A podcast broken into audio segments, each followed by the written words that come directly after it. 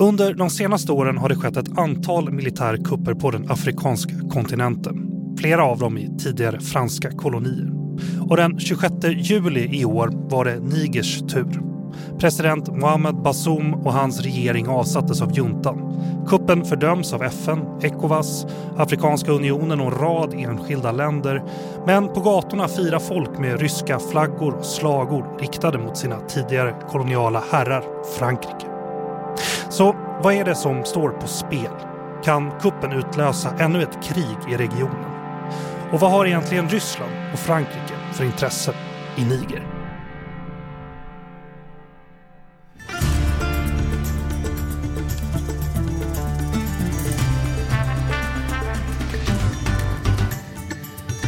Du lyssnar på Utrikespolitiska institutets podd Utblick och jag heter Jonas Lövenberg. Det har som sagt skett många militärkupper i Afrika under de senaste åren och i det här avsnittet ska vi prata om den i Niger. Sedan vi började planera avsnittet så har det hunnit inträffa ännu en militärkupp faktiskt på kontinenten, nämligen i Gabon.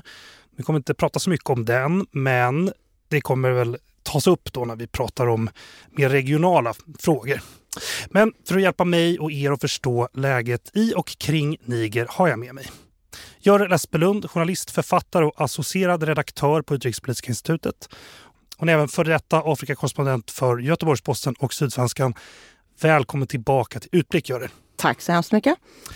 Och så har jag med mig Gabriella Körling, antropolog, forskare och analytiker på Totalförsvarets forskningsinstitut, FOI, där hon jobbar med frågor om säkerhet i Sahel. Välkommen Gabriella. Tack så mycket. Om planeringen håller ska jag säga också så kommer det gå att läsa en artikel på eh, det här ämnet också, eller kanske lite bredare än bara Niger som Görel håller på och skriver på som förhoppningsvis kommer på måndag. Hur går det, hur går det med det?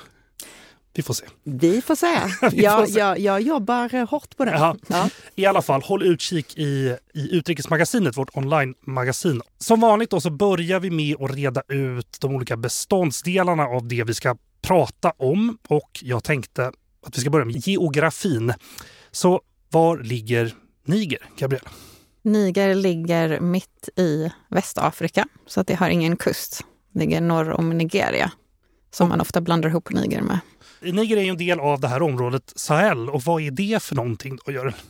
Ja, men Sahel är ett bälte kan man säga som eh, går egentligen från norra Senegal i väster och så hela vägen bort till Sudan och Eritrea i Östafrika om man ska riktigt dra ut Sahel. Mm. Men när vi brukar prata om Sahelområdet så brukar vi prata liksom om det som gränsar Niger, Burkina Faso och Mali, där det nu också har varit väldigt oroligt eftersom Sahel sedan ja, ett, ett decennium tillbaka eh, också präglas av många jihadistgrupper och islamistgrupper som har värvat medlemmar ur de här olika länderna och begått oerhört många övergrepp. Just det, och vi ska återkomma till de här olika grupperna. Men en annan sak vi måste ha med oss också, vi behöver nog kanske en liten historielektion faktiskt. Alltså, vad är Niger för land och vad har det varit för land de senaste hundra åren? Då? Nej, men Niger är ett av Afrikas fattigaste länder med en väldigt hög befolkningstillväxt. Eh, faktiskt den högsta i Afrika. Och i princip alla invånare är muslimer. Det ligger som vi hörde i, i Sahelregionen och eh, är hårt utsatt för de här eh, jihadistattackerna som eh, främst har präglat de västra delarna, så de gränsar till de här andra länderna jag nämnde, Mali och Burkina Faso. Sedan så, så var det då tidigare en fransk koloni.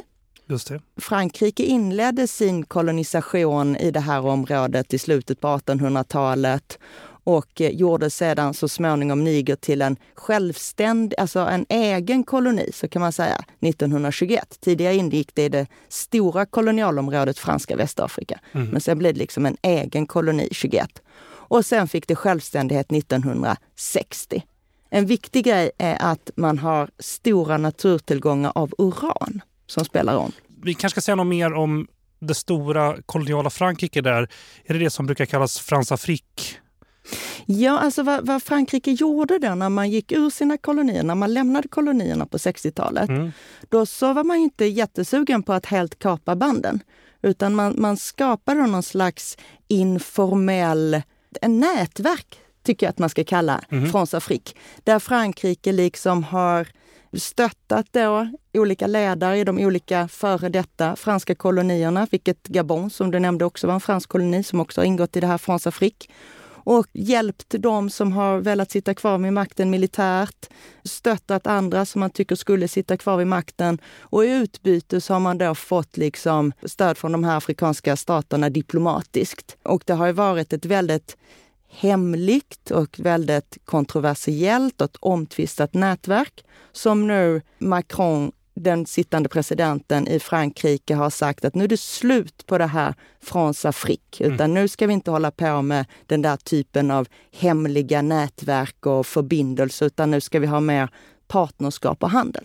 Okej, och i det här det finns en lite problematisk relation för Frankrike till många av de här länderna helt enkelt? Ja, ja absolut. Många av de här länderna har varit Frankrikes militärt allierade. Men, men det, det, alltså, menar, det är ju inte en oproblematisk relation. Det är det. Nej.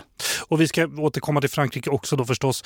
Men en annan fråga här då, hur står det till med demokratin i Niger, Gabriella? Det var ju en eh, demokratiskt vald president som avsattes, eh, Mohamed Bazoum. Han hade ju hunnit, bara hunnit sitta vid makten i cirka två år innan den här statskuppen skedde. När han blev vald till president, då hade man haft en period sedan 2011 där man har haft eh, två, två val då så det första valet så valdes eh, Muhammadu Issoufou till president och så blev han omvald då i nästa val. Och sen så hade han suttit sina två mandat eftersom konstitutionen har en begränsning. Man får bara sitta två mandat som president. Och då kom Bazoum till makten. Det ansågs ju som en stor framgång för det, i Nigers historia så var det första gången som en president har lämnat över makten till en annan demokratiskt vald president. Mm. I och med att det finns en historia av statskupper som har avbrutit den här demokratiseringsprocessen som började på 90-talet med jämna mellanrum. Och det här var väl ändå någonting som fick mycket säg, beröm från stora spelare som USA och från, från Europa och sådär. Att nu ser vi framgång här. Ja, precis. Ja. Det, det, det var, och det har ju gjort nu också att man såg Niger fram till den här statskuppen som eh, ett demokratiskt undantag i den här regionen. Då, speciellt med tanke på utvecklingen i Mali och Burkina Faso där vi har ju sett statskupper 2020-2021. Just som är grannländer, eller hur? Precis. Ja. Och nu till då den här händelsen som det kretsar kring. Vad hände alltså den 26 juli i år, Görel? Sammanfattningsvis kan man väl säga att det var en grupp soldater i presidentgardet som grep presidenten och satte honom i husarrest, Bazoum mm. alltså. Där är han kvar, i alla fall fram till idag. Vad som händer imorgon, det vet vi inte, men Nej. idag när vi spelar in det här så är han kvar. Och han har formellt sett inte avgått. Och det, det, det är ju lite intressant och lite viktigt. Och sedan så meddelade då militärjuntan att parlamentet var upplöst, författningen var avskaffad och all politisk aktivitet förbjöds. Mm. Och sedan så greps eh, flera av ministrarna i Basums eh, avsatta regering och eh, högt uppsatta företrädare för regeringspartiet, PNDS. Och den dagen, den första dagen, så samlades faktiskt ganska många supportrar, man räknar till ett hundratal i alla fall i rapporteringen, för att visa sitt stöd för Basum. Mm. Och den typen av demonstrationer har vi inte riktigt sett sedan dess. För nu så ser man istället massor av människor ute på gatorna som hejar på kuppmakarna istället. Men den där första dagen så var det faktiskt så att det fanns demonstrationer som uttryckte sitt stöd för presidenten och då för den här ganska nya demokratin. Kuppmakarna motiverade maktövertagandet med att eh, säkerhetssituationen var dålig och ekonomin hade den här Basum inte fått på fötterna och den för, förvärrades hela tiden. Men sen efteråt så har det ju framkommit att det kanske snarare var en maktkamp mellan kuppmakaren Tiani och Bazoum. För att Basum höll nämligen på att eh, möblera om där i det höga militära skiktet och eh, Tiani kan ha varit nästa person att eh, kickas ut. Okej. Och vad, vad, säger du om det här, Gabriella? Har du några mer spaningar kring skäl till kuppen? Jo, skälet verkar ju vara lite höljt i dunkel. Och det har väl någonting att göra med de här liksom personliga motsättningar, personliga intressen, maktkamp. Och det har ju kommit fram flera olika teorier. Dels det här då att, att Chiani skulle av, avskedas av Bazoum och han hade ju som Görel sagt också bytt ut sakta men säkert militärledningen. Sen så finns det också andra rykten om att eh, han skulle återuppta en utredning om en, en stor korruptionsskandal på försvarsministeriet. Mm. Och att det också inblandade några av de här höga, högt uppsatta militärerna. Det finns också en annan eh, teori om, som handlar om att han skulle göra om eh, hur man ska administrera intäkterna från olja och vem som ska ha hand om det. Så det finns väldigt många olika teorier och det är väl ett tecken på att vi inte vet vad mm. som låg bakom den här statskuppen och att man försöker förstå, både utifrån men även i Niger, förstå vad som riktigt hände. Sen så när väl statskuppen har skett, det har ju flera andra implikationer. Och de har ju också ett narrativ där de förklarar varför de har tagit makten, som ju många eh, också känner igen sig i. Det här liksom att utvecklingen inte har blivit bättre, att det finns utbredd korruption att man inte har lyckats bekämpa de här jihadistgrupperna. Så att eh, det finns också vissa tecken på att det fanns kanske ett bredare missnöje inom armén. Man visar ganska mycket ilska mot Frankrike också här, eller hur? Man också spär på de här, de här manifestationerna för juntan, eller hur? Ja, precis. Och de, ganska tidigt när de hade tagit makten så eh, hade de ju siktet eh, riktat mot Frankrike och anklagade Frankrike för att försöka destabilisera Niger efter den här statskuppen och att, man, att Frankrike hade planer på att gå in militärt. Och man har ju fortsatt haft ett väldigt högt tonläge mot Frankrike. Mm. Och den 3 augusti tror jag det var, då sa man upp de här försvarsavtalen. Där fick vi bakgrund lite från Görel till de här eh, militära allianserna mellan Frankrike och de här före detta kolonierna. Så det skulle innebära då att de här franska militärerna som är i Niger måste lämna. Just det, det är 1500 militärer ja, på precis. åtminstone en bas. Ja. ja. Så det har ju blivit en viktig del också av att mobilisera befolkningen just eftersom kanske anledningen till statskuppen är lite otydlig. Mm. Så att då behöver man ju ett narrativ som, som man kan mobilisera ett folkligt stöd med för att legitimera. Kan vi säga något mer om juntan då? Vad är det för, vad är det för glatt gäng? Går det att säga något om det? Det som man kan säga är väl att de är faktiskt förhållandevis gamla och seniora. Mm -hmm. eh, om man jämför till exempel med juntorna som tog makten i grannländerna Mali och Burkina Faso. Mm. Ibrahim Traoré som nu är president i Burkina Faso efter en statskupp, han är ju 34 år bara. Och Assimi Goita som är president i Mali, han är bara 40, 42 år. Och i Guinea så har vi ju Dumbia som också är 42 år. Så att det här är ju en, och det är ganska anmärkningsvärt på en kontinent där politiska ledare som sitter vid makten oftast är ganska gamla, vid 60-70-årsåldern. Mm. Så det tror jag också har bidragit till deras popularitet. Just när man ser på att Afrika har en väldigt ung befolkning. Att äntligen ser man någon som sitter vid makten som faktiskt är ungefär samma generation som jag ja, själv är. Ledarna i de här andra länderna. Precis. Ja, mm. Men i Niger så är det ju mer, de är 60-årsåldern. De är ganska högt uppsatta, så de är generaler. Det här gör ju att de kanske är lättare för dem att utföra statskuppen för att man, man kan liksom lättare få med sig resten av armén. Men samtidigt så gör det också att det är svårare att distansera sig från de forna makthavarna eftersom man ändå har suttit högt upp i den militära ledningen. Så man är också delvis ansvarig för den situationen som man nu kritiserar. Mm. Så att det är lite svårare för dem kanske att utmåla sig som revolutionärer, som någon som kommer att förändra. Så att jag tror det är därför man ser också den här liksom väldigt fokus på Frankrike, på suveränitet. Just för att kanske kompensera för att man själv kanske ses som del av systemet mm. som man sen vill kritisera. Och jag måste också när vi frågar om juntorna ska vi också fråga vem, vem är Mohammed Bazoum? Va, vad är han för, för karaktär här? Han har ju varit en framträdande politiker sedan eh, den demokratiseringsprocessen mm. på 90-talet och var liksom en av dem som, som ledde den. Sen så har han ju, han är filosofilärare tror jag i grunden. Han beskrivs som väldigt skarp. Samtidigt är han väldigt frispråkig, vilket ibland skapar problem för honom också. Mm. Och de flesta som känner honom säger att han aldrig kommer gå med på att skriva på den här avskedsansökan som gör att situationen i Niger blir väldigt annorlunda från Mali och Burkina Faso där presidenterna ändå ganska snabbt gick med på okej, okay, det är en statskupp, jag avgår. Men det är inte fallet i Niger. Och det tror jag också har att göra lite med hans personlighet. Har han sett som en legitim politiker då? Han är demokratiskt vald och så. Det har inte varit något misstänkt något fuffens när han har tillträtt som man alltså, kan skylla på? Eller? Det fanns kanske vissa tecken på att det var valfusk i en, en viss region när han kom till makten och samtidigt så har man ju gått ganska hårt åt oppositionspartierna och den främsta oppositionsledaren Hamamoudou som i stort sett har varit i exil. Så att valet var ju ganska, det var ganska mycket kritik kring valet internt. Men jag tror mycket av det som man ser nu när det är så ganska stort missnöje och folk stöttar kuppmakarna har också kanske mer att göra med partiet. Okay. Alltså PNDS som har suttit i makten sedan 2011. Och under den här tiden har de liksom monopoliserat det politiska landskapet. de har också kontroll över de här ekonomiska nätverken som går in i politiska nätverken som spär på korruption. Så jag tror mycket av ilskan som vi ser nu riktas mer åt partiet och eh, den förra presidenten Mohamedou Issoufou där man tycker att under hans, när han satt vid makten så blev korruptionen mycket värre. Basum har kommit till makten, han har försökt göra vissa reformer men har väl fastnat lite i liksom, att han faktiskt är del av det här politiska partiet och det finns sådana väletablerade nätverk. Det låter som att han har fått ärva några problem. Ja. ja. Sen, kan väl, sen var det ju väl också så att precis innan han skulle sväras in så var det ju faktiskt ett kuppförsök mm. mot honom. Okay. Eh, som, som slogs ner eller kvästes efter några dagar bara tror jag. Men det är inte så att han, han gled ju inte bara in på, på presidentposten utan det var ju faktiskt ett kuppförsök redan då. Vilket då så speglar de här spänningarna mellan, mellan den politiska makten och, och eh, militären.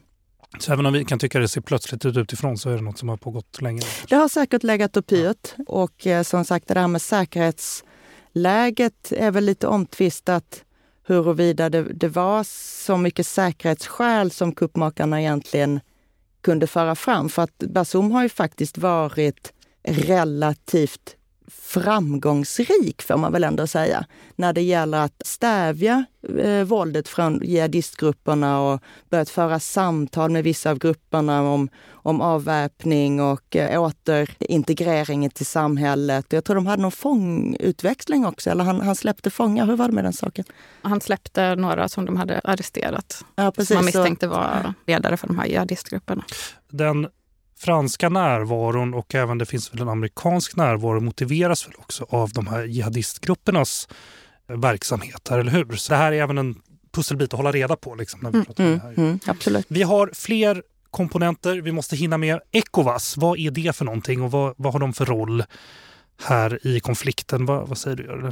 Ecowas är ju den här västafrikanska samarbetsorganisationen mm. som består av, eller bestod av 15 länder varav nu ett antal är uteslutna på grund av, av kupperna. Där har man ju då bestämt sig att eh, gå riktigt hårt åt i det här fallet. Man var väldigt tydligt och väldigt snabbt ute och sa att eh, president Bazoum skulle återinstalleras, man skulle ha en återgång till det konstitutionella styret och att eh, annars så hotade man med militärt ingripande från ECOWAS styrka. Vilket var väldigt mycket pukor och trumpeter väldigt snabbt. Eh, och så satte man också en, en deadline för att när Bazoum skulle vara tillbaks i presidentpalatset och den deadlinen passerades utan att någonting hände. Och sedan har man haft ett antal krismöten inom Ecowas. Man, I början gick det inte så bra med att eh, få kontakt med de här olika parterna i Niger. Men nu har man varit inne och eh, haft lite trevande inledande samtal. Ecowas, är, är det en ekonomisk organisation från början som också har en militär? Eller vad, vad är det för något? Det är en samarbetsorganisation på många olika plan. Okej. Okay. Mm. Mm. Tillbaka till Frankrike då. Nu vi har hunnit nämna vad de har varit. Vad är de idag då? Förutom de forna kolonialherrarna. Går det att säga något om det, Gabriella? Frankrike har ju fortfarande stort inflytande i mm. Niger på flera olika plan. Inte minst eh, språkmässigt eftersom franska är det officiella språket. Media är också dominerat av eh, internationell media, Det är ju franska kanaler som ju nu kuppmakarna har stängt av också. Vilket ju också är ett tecken på att Frankrike har stort inflytande. Att det är någonting man vill kontrollera, kontrollera liksom den informationen som, som folk får som kommer via Frankrike. Så kulturellt har de stort inflytande. Det finns franska företag, uranutvinning har vi redan pratat om. Men jag tror det som, som verkligen som den, den brännande frågan idag är ju närvaron av de här franska soldaterna i Niger. Och det som eh, skiftet, alltså det som hände när då Barkhane, den här stora franska militäroperationen som var aktiv i Mali mot de här jihadistgrupperna, eh, den var ju tvungen att lämna. Man blev i stort sett utkastad från Mali när man hamnade i, ja, precis, när man hamnade i, i, i konflikt med kuppmakarna. Och då så flyttar man över 1500 soldater till Niger. Och i den här, när man flyttar över soldaterna så skulle man också etablera ett nytt samarbete eller ny form av samarbete. Att Frankrike ska vara mindre synlig, man ska ge mer utrymme för den lokala parten att, att bestämma hur, vilka strategier man ska lägga upp och att styra. Och Bazoum gjorde sitt bästa att förankra det här i Niger. Man diskuterade i eh, generalförsamlingen. Men samtidigt så var det kanske inte så mycket av en diskussion. Det var mer han förklarade varför vi behöver de här franska soldaterna för att bekämpa de här jihadistgrupperna, speciellt med tanke på att läget i Mali då var ganska prekärt och att, att gränsen var i stort sett öppen mellan Mali och Niger. Det var ju en strategi som han följde att välkomna de här soldaterna. Men där var han ju ur fas med opinionen som såg väldigt negativt på det här. En annan fråga också. Frankrike har väl också en ambassadör där som de vägrar ta hem. Hur går det med det? Han sitter väl fast i ambassaden skulle jag säga. De, de ja, ja. Alltså, alltså menar, grejen är ju så här att Macron har ju sagt att eftersom han inte erkänner juntan Nej. så erkänner han heller inte det faktum att den här nya regeringen och, och de nya ledarna som nu tillsatts efter den 26 juli, han erkänner inte dem och därmed erkänner han inte kravet på att ambassadören ska lämna landet och heller att, att han har blivit, han har ju blivit fråntagen sin diplomatiska immunitet mm. enligt militärjuntan, ja. men eh, inte enligt Macron. Nej, jobbigt för den här ambassadören att sitta där kan man tänka sig. Vi har, vi har diplomatiska militära intressen Frankrike nu. Men uranet måste vi fråga någonting om. Frankrike importerar uran från Niger. Hur viktigt är Niger för att förse Frankrike med uran eller andra delar av Europa för den delen med uran? Det senaste som jag har sett är väl att jag tror att det är 15 procent av den uran som Frankrike importerar som kommer från Niger. Mm. Vad det gäller EU så är det 25 procent av den uran som EU importerar som kommer från Niger. En annan spelare här vi måste säga, nämna också EU Ryssland. Ryssland har en närvaro i Afrika och också i Niger. Och då genom Wagner. Vad har Ryssland för intressen i Afrika och då i Niger i det här fallet? Vad säger du, Görre? Ja, det är väl lite oklart hur mycket de egentligen är i Niger just nu. Okay. Och, och om de hur stor närvaron är. Men, men grannlandet Mali, där är det ju en hög rysk närvaro och liksom i den centralafrikanska republiken som är liksom Rysslands språngbräda, fotfäste. Det är det land som, som man har störst närvaro i. Det är det land som man har mest inflytande i, både ekonomiskt eh, och militärt och, och politiskt. Liksom. Det som är intressant med, med fallet Niger, det är att Ryssland faktiskt fördömde kuppen. Medan då Prigozjin, eftersom han då levde, mm. eh, när kuppen inträffade, välkomnade kuppen. Den skillnaden mellan liksom det officiella Ryssland och Wagnergruppen var ju ganska intressant. Wagnergruppen som då finns i det här området har väldigt stor betydelse för Ryssland eftersom det är liksom den ryska armen ut i, i Afrika på många sätt. Men Wagnergruppen är inte heller den enda legoarmén som finns, utan det finns olika arméer. Det finns ju flera det ryska, finns, även om det är Wagner vi får höra. Det är Wagner ja. vi får höra, så ja. att vi, vi pratar om Wagner. Och man har då liksom uttalad militär närvaro i Libyen, Mali, Centralafrikanska republiken. Där finns man med soldater. Man har ekonomiska intressen i Sudan. Där gräver man bland annat och skeppar ut guld och diamanter. Eller guld, förlåt, eh, guld och diamanter. Det kommer från Centralafrikanska republiken. Och Malis eh, militärledning kallade då på Wagnergruppen när man tyckte att, att Frankrike inte gjorde tillräckligt i kampen då mot, mot jihadisterna. Och sedan så, så, har det då funnits en viss propaganda eh, från Wagner eh, in till, till Niger.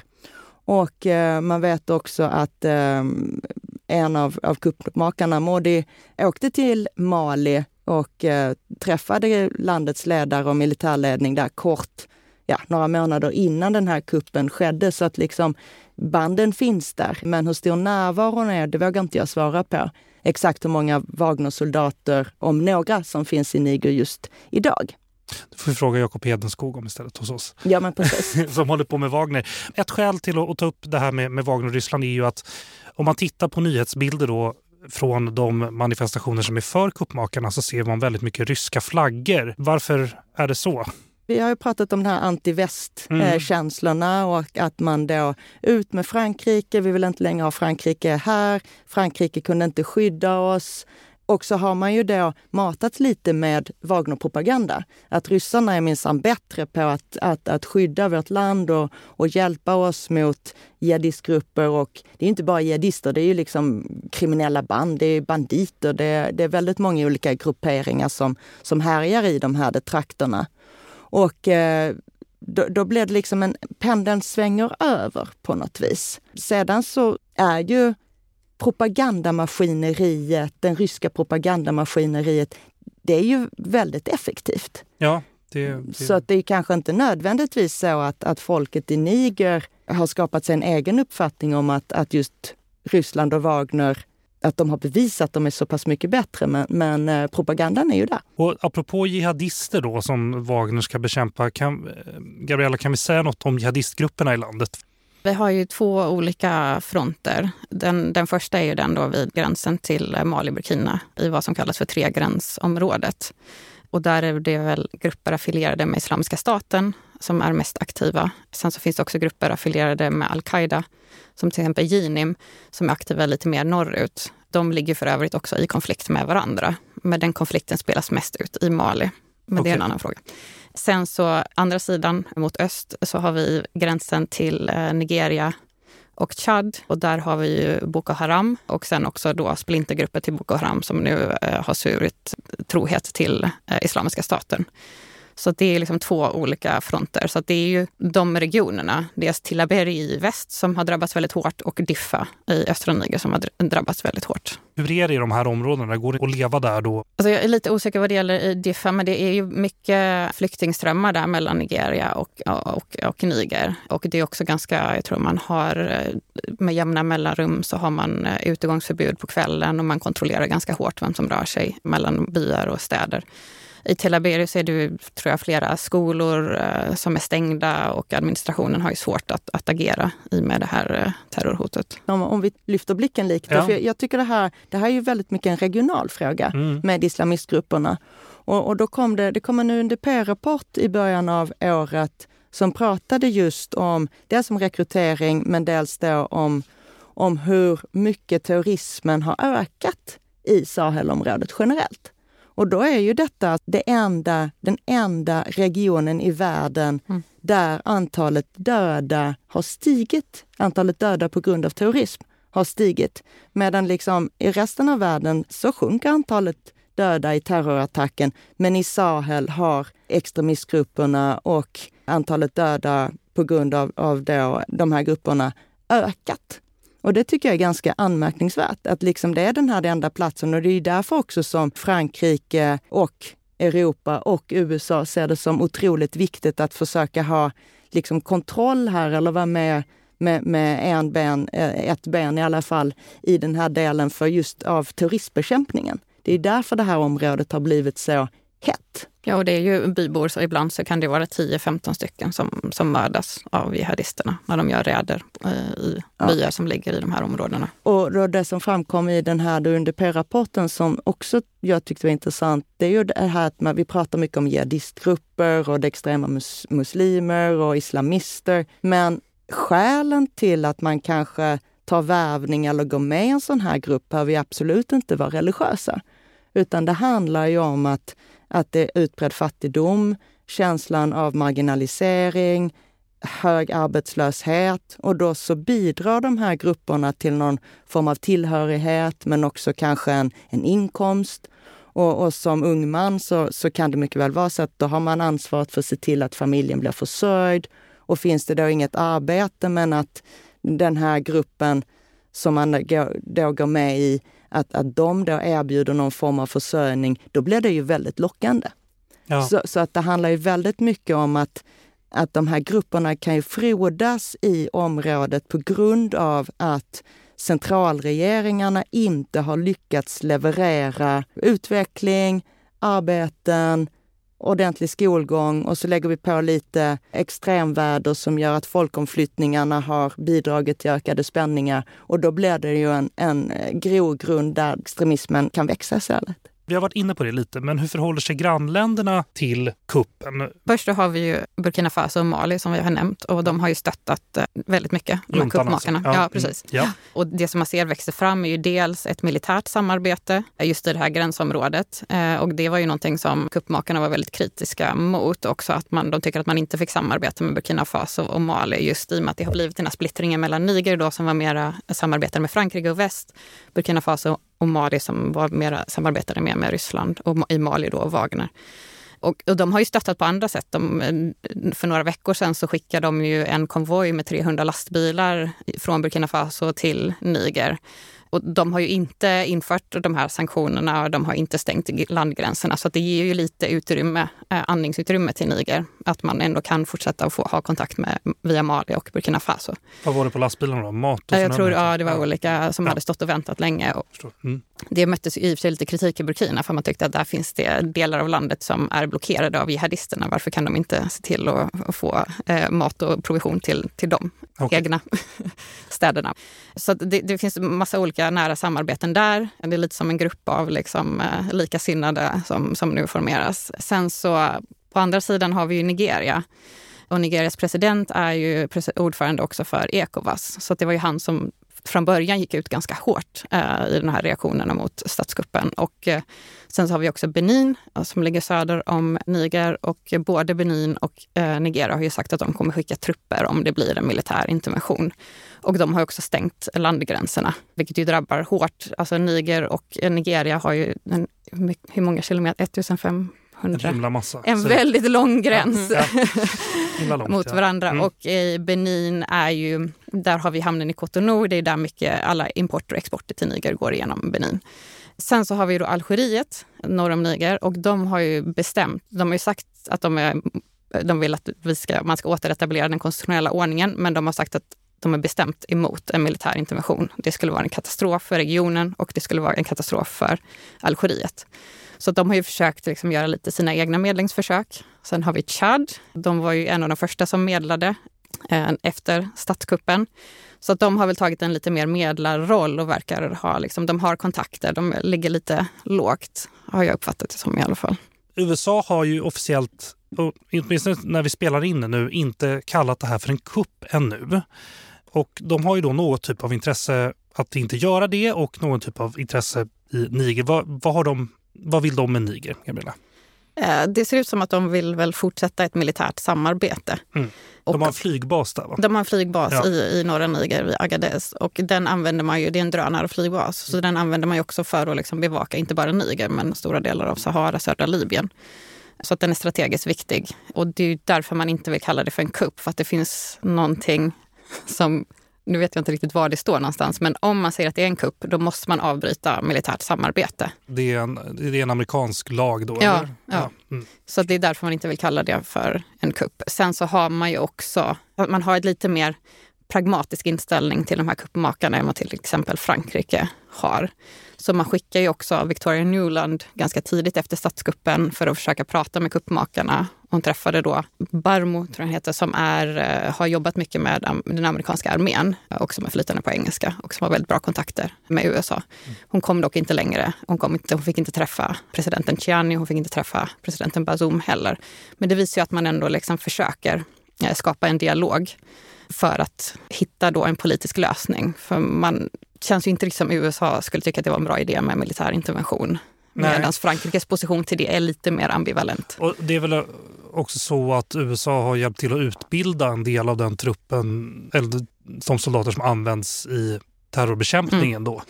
Okej, men Niger har en historia av militärt styre och statskupper. Så vad, vad tycker folket om kuppen och om juntan den här gången? Nej, nej men det, har det som vi har sett och det som har kommit ut, det har ju varit ett stort stöd. Alltså, förutom de där första protesterna som jag nämnde tidigare, den första dagen, så, så det som vi har sett så har ju folk liksom samlats på Niamey's gator, alltså huvudstadens gator och, och eh, uttryckt sitt stöd för, för kuppmakarna. Det, för några dagar sedan så var det någon stor demonstration utanför den franska militärförläggningen som då var för kuppmakarna mot Frankrike. Jag har hört personer som, som då har sagt att men om Ecowas kommer in med, med trupper så kommer vi slåss mot dem. Så att bilden man får är ju att folket, åtminstone i huvudstadsregionen, stödjer kuppen. Men det som vi har varit inne på tidigare, det är ett stort land och hur stort stöd som kuppmakarna har i alla delar av det här stora landet, det vågar inte jag svara på. Men den bilden, och, det är naturligtvis ganska självklart, som man vill förmedla, det är ju att här har vi folket i ryggen. Här, de, är, de är med oss. Liksom. Vad skulle det kunna få för konsekvenser om det uppstår ett till krig i regionen? Det skulle vara katastrofalt. Ja, det är ett kort svar. Men, ja, nej, nej, men, men, alltså, men vad, vad, är det som om, står på spel här? är väl det jag yes, frågar. Men, vi, vi pratar ju som sagt om en region, redan oerhört fattig region med stora flyktingströmmar åt olika håll beroende på var jihadistgrupperna då är mest aktiva eller olika rebellgrupper är mest aktiva. Vi pratar om en region, Gabriella nämnde det, där liksom nödtransporter inte alltid kommer fram och när de väl kommer fram så är det någon annan del i samma region som kanske lika stort behov av nödtransporter. Alltså, det är en väldigt, väldigt utsatt region. Vi har också, som, som jag nämnde, extremväder, torka. Vi har folkomflyttningar där nomadiserade boskapsdrivare redan idag också liksom har spända konflikter och spända relationer med jordbrukare.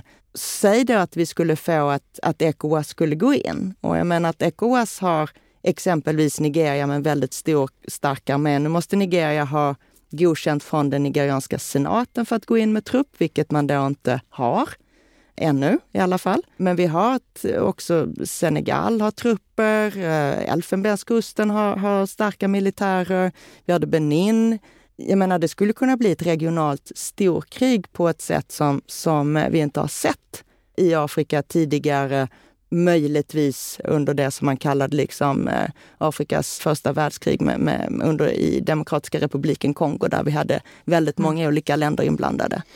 Konsekvenserna skulle bli katastrofala om man tittar bortom konsekvenserna, som jag håller med om skulle vara katastrofala, så det som det här hotet om intervention har gjort att eh, stödet för kuppen har ju ökat väldigt mycket. Om från början, det kan ha funnits folk som var lite ambivalenta just eftersom eh, orsaken till kuppen var lite oklar, så har ju det här hotet om intervention gjort att alla i stort sett ställer sig bakom kuppmakarna och mot Ecowas. För att det är ju ytterst få personer i Niger som vill se en militär intervention. Det kanske är några av de här, alltså det, vi har ju utrikesministern som är i Frankrike som propagerar för en militär intervention alltså den avsatta utrikesministern. Men ingen annan är ju för en militär intervention. Så det här har ju också gjort, jag tycker att man ser ett skifte i de här protesterna också, att de är större, det är bredare, du ser kvinnor, du ser äldre män. Det är inte bara liksom unga män som man såg i början. De ryska flaggorna har bytts ut mot nigerska flaggor istället. Så att det liksom, nationalismen är verkligen väldigt stark nu och patriotismen. Och jag tror det är mycket då med det här, det startade mycket med det här militära hotet. Om de här andra länderna då, skulle det kunna uppstå en situation där Niger får stöd av, av sina grannar som inte är del av Ecowas längre? Finns det på kartan? Eller ja, alltså, de har ju sagt, Mali och Burkina Faso gick ja. ut och sa att om, om, om man invaderar eller går in i Niger så anser de att det är som att man har förklarat krig mot även Mali och Burkina Faso. Så de har ju sagt att man ska hjälpa Niger. Och, och bägge de länderna har ju ganska stora armé och, och Mali har ju en armé som också tränats av exempelvis Frankrike. Så att jag menar, det, det skulle ju vara stora kraftmätningar mellan de här stridande parterna. Ecowas har alltså hotat med en intervention men har ju inte, har, har inte levt upp till det här hotet. Vad händer med det? Liksom? Förlorar de förhandlingskraft här? Eller vad, vad blir det för situation av det? Det förvånade mig att man så tidigt från Ecowas gick ut så kraftfullt och sa att liksom, jag tror att de fick en vecka på sig att återinstallera presidenten och annars så skulle det då vara möjligt att, att Ecowas sände in styrkor. Sedan kan man ju säga att jag menar, det är ju det, det, tar ju lite tid att liksom se till att de här styrkorna kommer på plats, att man ska sätta upp dem rent militärt. Men, men det var förvånansvärt kraftfulla hot och nu står, och jag tror antagligen att man gjorde det för att man ville pusha kuppmakarna åt sida och liksom testa dem, hur starka de egentligen var. Och sen så står de ju bara kvar. Jag menar, de, de ger ju inte vika. Mm.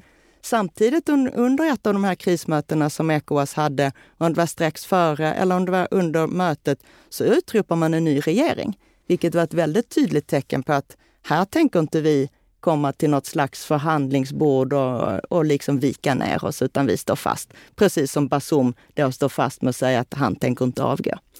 Men... Och, och, och, det har ju satt Ecowas i en sån här situation att någonstans så måste man ju också liksom eh, rädda ansiktet lite och, och kanske Kommer det då bli någon slags förhandlingslösning? Nu har ju kuppmakarna gått ut och sagt att ja, men om tre år så, så ska det till nya val. Algeriet har kommit då med ett annat medlingsbud och sagt ja men ni kanske kan göra det på sex månader. Så, så att ska Ecowas också upprätthålla någon liksom form av att legitimitet, att de har en, en, en röst i det här sammanhanget så måste de ju också komma fram till någonting. Mm. De måste liksom hitta en lösning. För jag, jag, tror inte att de går in militärt. Jag tror inte det. Eh, jag håller med. Jag tror inte, eh, de vill nog undvika en militär intervention in i det sista och jag har svårt att se att de faktiskt skulle besluta att göra det. Så det blir också en lite märklig situation när de Ja, vi förbereder den här militära interventionen, vi har aktiverat den här standby force, allt är klart, vi har ett datum och sen samtidigt bara, men vi förhandlar. För att ja. vi vill fortsätta förhandla istället. Alltså, det, det blir en ganska konstig uh, kommunikation, den blir ju väldigt märklig. Jag undrar bara också, hur nära har, har det liksom stått trupper på gränsen och väntat eller hur långt har de kommit Nej. i mobiliseringen? Ja, det, det tror jag inte riktigt någon vet hur långt de har ja, kommit. Men det finns, för att jag menar, det finns ju ett sätt att visa upp trupp också för att skrämmas, men det har de ju inte, mm. har inte kommit så långt. Okej, måste ställa en till fråga om Ryssland och Wagner. Vad har hänt nu när, efter Prigozjin är död? Gör det någon skillnad för Rysslands närvaro? Vad säger ni? Eller vad säger du, Görel? Vad tror du? Ja, det är ju det som ingen riktigt vet. Vad händer med Wagner överhuvudtaget? Ja, eh, kommer de soldater som fanns i Wagners styrkor i Europa, kommer, vad händer med dem? Och vad händer liksom med styrkorna i Afrika på de här olika platserna som vi har pratat om. Jag tror att, att Ryssland är ju väldigt, vill ju väldigt gärna ha kvar närvaron i, på den afrikanska kontinenten som, som då Wagner gav den möjlighet att ha. Samtidigt så ser jag ju inte att Ryssland har någon möjlighet att skicka andra soldater till, alltså jag menar så att Wagner... Du skickar reguljära trupper kan de ju inte skicka. Nej, nej, alltså jag nej. menar var skulle de ta dem ifrån? De har ju fullt upp med, med kriget i Ukraina liksom. Och man pratar ju mycket om att nej, nej, men vi ska ha kvar vårt stöd och eh, man har gått ut att man, man lovar att hålla kvar stödet i, i, då i Mali till exempel, Centralafrikanska republiken. Men samtidigt, vem ska leda de här soldaterna? Det vet vi inte riktigt. När jag satt och skrev manus här så såg jag att Deutsche Welle rapporterade att det skett minst åtta militärkupper på den afrikanska kontinenten sedan 2020. Efter det så skedde den i Gabon, så då är vi kanske uppe i nio då åtminstone. Finns det något samband mellan de här och varför händer, de, händer det så många kupper på samma kontinent under så kort tid. Från början när man såg att de här, det började bli mer och mer kupper så vill man ju inte, många vill inte prata om att det här det är något, en epidemi eh, av statskupper. Nej. Men nu så börjar det bli svårt att inte börja ställa sig frågor om vi inte ser en, ett mönster här. Sen så, samtidigt så måste man ju säga att, att varje statskupp eh, har ju en, en egen, eh, olika, ja. en egen historia. Just. Det sker i olika kontexter, det är olika anledningar, det är olika aktörer. Men man kan ju se, speciellt mellan vissa eh, statsgrupper kan man ju se vissa likheter. Till exempel alltså Mali, Burkina, Niger, där har vi den här situationen som vi har pratat om med eh, den här kampen mot jihadistgrupper som man anser inte har lyckats. Man har också en väldigt ung befolkning som också är missnöjda med utveckling. Man ser att det är få eh, framtidsutsikter och att det är hög korruption. Och det finns lite tillit mot den politiska ledningen. Så det här skapar ju förutsättningar för en statskupp. För att då om man gör en statskupp så kan man sen säga att man har folkets stöd och skaffa sig legitimitet. Så det är ju liksom en anledning som gör att många länder är sårbara statskupper. Sen Gabon har vi också en historia där det är samma familj som har suttit med makten sedan självständigheten. Men det som jag har sett att vissa också har pratat om att det på något sätt är det liksom kanske en demokratikris som vi ser just nu. Många länder i Afrika demokratiserades under 90-talet. Nu har man haft demokrati i några decennier och man är inte nöjd med resultatet. Mm. Utan att det är mer liksom att man har val, man har demokrati på papper men det ger liksom inte den här liksom substantiella som man väntar sig av demokratiskt styre. Så det gör det ju lättare också för militärer att känna att de kan gå in och ta makten. Och sen så har jag läst också en UNDP-studie om relationen mellan civila och militärer och där i de här länderna där det precis hade skett en statskupp så den anledningen som de flesta gav för att då stötta statskuppen var att de ville se en förändring.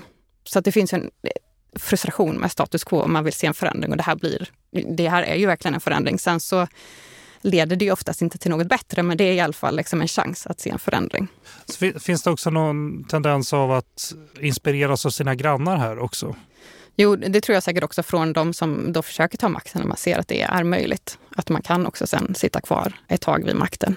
Jag tillhör det där demokratikrislägret. Ja. Jag vill ju, håller ju fortfarande fast vid att jag ogärna vill prata om en epidemi av kupper för jag tycker det blir, det blir lite för förenklat. För det är Ja. precis, menar, precis som Gabriella säger, det är olika länder, det är Mm. olika historier, de kan likna varandra. Och där, och där liksom Mali och Burkina som varit inne på, de, de har ganska lika Förutsättningar förutsättningar ja. för den här kuppen. Men där jag tycker Gabon då har en helt unik, eh, inte alls lik de här andra kupperna. Sudan likadant, där vi också har sett två kupper de senaste, ja, de, de stötte ju Omar al-Bashir 2019, så, men, men liksom under 20-talet kan vi väl räkna det då. Och jag tycker det här med demokratikris vi ser ju demokrati som liksom det är den, den bästa statsbildningen och vi får mycket ut av vår demokrati. Vi får rättigheter, vi har skyldigheter, vi får friheter. Vi kan gå till val som vi anser ändå är liksom legitima. Den som får flest röster blir ledare. Men så är det ju inte i många av de här afrikanska länderna med sån oerhört ung demokrati och där man heller inte är helt införstådd med hur demokratin fungerar. Menar, demokratin är ju väldigt ung Och skör och, ofta. och väldigt Mm. skör.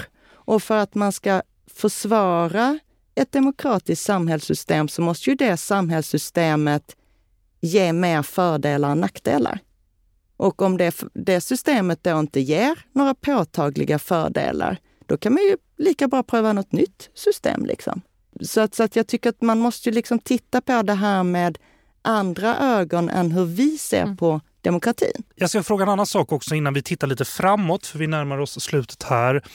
Alltså FN har ju funnits i regionen också, men är på väg därifrån. Vad, vad spelar det för roll? Ja, det är ju främst då i Mali som Ja. vi har haft en stor eh, FN-insats, eh, Minusma, som ju sen också blev utsparkade av den sittande regeringen.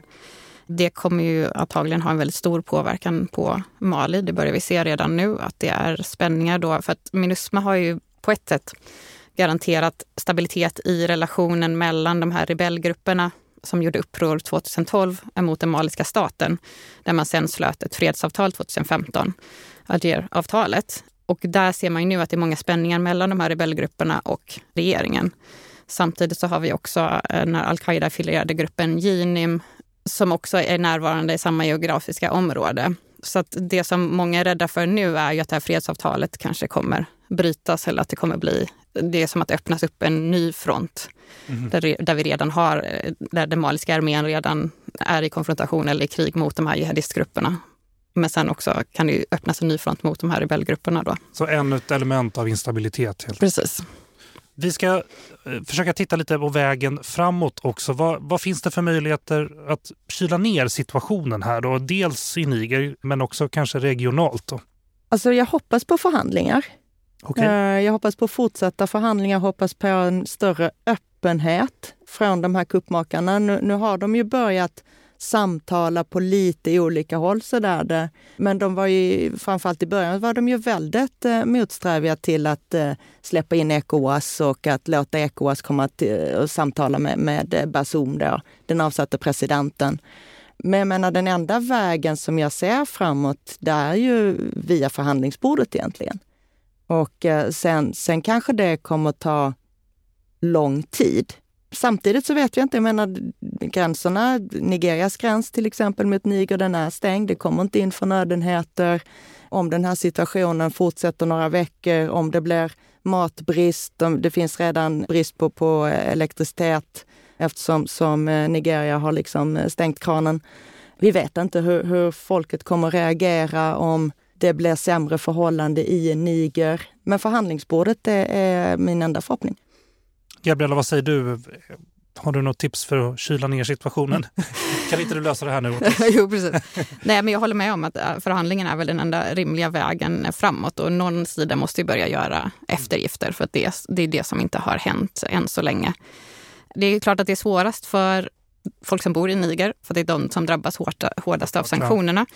Men sen samtidigt, Benin är ju också väldigt beroende av ekonomin i Niger så att där finns ju, känner man ju redan av det här. Folk som bor i gränsen i Nigeria med gränsen till Niger, de känner ju också av det här så att det har ju också större effekter utanför Niger som väl ledarna i de länderna måste ju också tänka på deras egna befolkning. Så att eh, man kan ju hoppas att det till slut, att man når någon sorts övergångsöverenskommelse kring övergången så att man kommer vidare. Och vad, bara innan jag ställer min sista fråga, men liksom, vad har de här olika parterna för förhandlingsläge nu? Om det är det som är vägen framåt, går det att säga något om det? Den svåraste frågan är väl att eh, för kuppmakarna så är det otänkbart att Bazoum kommer tillbaka till makten. Mm. Det tror jag är helt uteslutet. Samtidigt så är det någonting som Ecowas håller fast vid, att han ska återgå till makten. Så där måste man ju på något sätt hitta något lösning som både Bazoum kan leva med och kuppmakarna kan leva med. För mig så är det det som är liksom det är låsningen? Där, ja, det, som, det är där den ligger. Mm. Okay. De har ju sagt eh, den här övergång till civilt styre inom tre år. Men samtidigt så har vi ju sett i andra länder eh, i regionen som har lovat övergång till civilt styre inom ett visst datum och ingen av de eh, datumen har ju hållits. De har ju bara liksom skjutits på framtiden och skjutits på framtiden. Så att det blir lätt att tre år blir fem år. Mm. Men det är den, exakt den knuten som Gabriella sa, det, det, är den vi måste... Alla måste kunna rädda ansiktet här. Mm. Avslutningsvis då, vad kommer ni främst hålla koll på framåt kring läget i Niger här och vad, vilka kommande händelser kan bli mest avgörande för landets framtid? Jag tror hur hårt sanktionerna kommer att drabba befolkningen, men också då delar av, av grannländernas befolkning och hur tajta sanktionerna kommer vara. Om det kommer vara liksom riktade sanktioner också mot, mot vissa av kuppmakarna eller om det kommer vara mer generella. Om man kommer, hur USAs ställning kommer vara såklart. Om man kommer att fortsatt hålla fast vid att detta kanske inte är en kupp. Och sedan om, om det finns några öppningar, om någon inom Ecowas eller möjligtvis om Ecowas kan hitta liksom någon proxyförhandlare som, som skulle kunna liksom få kuppmakarna att ge vika. Utan att förlora ansiktet? Utan att förlora ansiktet mm. eller, eller åtminstone liksom säga att ja, man kan samtala om andra villkor. Vad säger du Gabriella, vad, vad håller du koll på? Jo, men det är väl just det här förhandlingsläget och hur, hur, det kommer gå framöver. Sen så tycker jag också att det är intressant att titta på hur de här kuppmakarna eller CNSB då hanterar den här övergången som de ju faktiskt de facto har startat själva. Där, man har, vi har en regering, de har utsett guvernörer, de har liksom knutit till sig eh, kommunfullmäktige, regionfullmäktige i, i landet. Och hur kommer det då förhålla sig till liksom en, en, en förhandlingslösning som kommer komma utifrån? Ur deras synvinkel så är de ju redan i en övergång den är, och de ska organisera en nationell dialog. Så hur, hur fogar man in de här olika processerna i varandra? Sen så tycker jag också att det är intressant att se lite hur eh, man kommer förhålla sig till de här externa aktörerna. Eh, nu så ser vi ju att Frankrike är väl, liksom, där har man ju tydligt sagt att man inte vill ha något militärt, mer militärt samarbete med Frankrike. Men hur kommer man förhålla sig till USA? Hur förhåller man sig till Ryssland? Kommer man ha en mer pragmatisk ansats där man kanske försöker då bevara de samarbeten som man tycker funkar och som man kan leva med? Eller kommer man gå mera i riktning som Mali och Burkina Faso, att man vill göra, bestämma själv, antingen lera sig närmare med Ryssland eller liksom säga att man, vi vill klara det här själva. Och där tror jag att det finns också olika åsikter inom den här juntan för vilken väg man vill gå. Görel Espelund, journalist, författare och associerad redaktör på Utrikespolitiska institutet, Gabriella Körling, antropolog, forskare och analytiker på FOI. Tack för att ni kom. Tack. Tack så mycket. Nu har du lyssnat på Utrikespolitiska institutets podd Utblick. Glöm inte att trycka på prenumerera-knappen i appen där du lyssnar på oss. Vill ni veta mer om UIs forskning och omvärldsbevakning, kika in på ui.se. Och glöm inte att läsa Görels text i Utrikesmagasinet på måndag som vi hoppas kommer då. Eh, och ni hittar Utrikesmagasinet också via ui.se.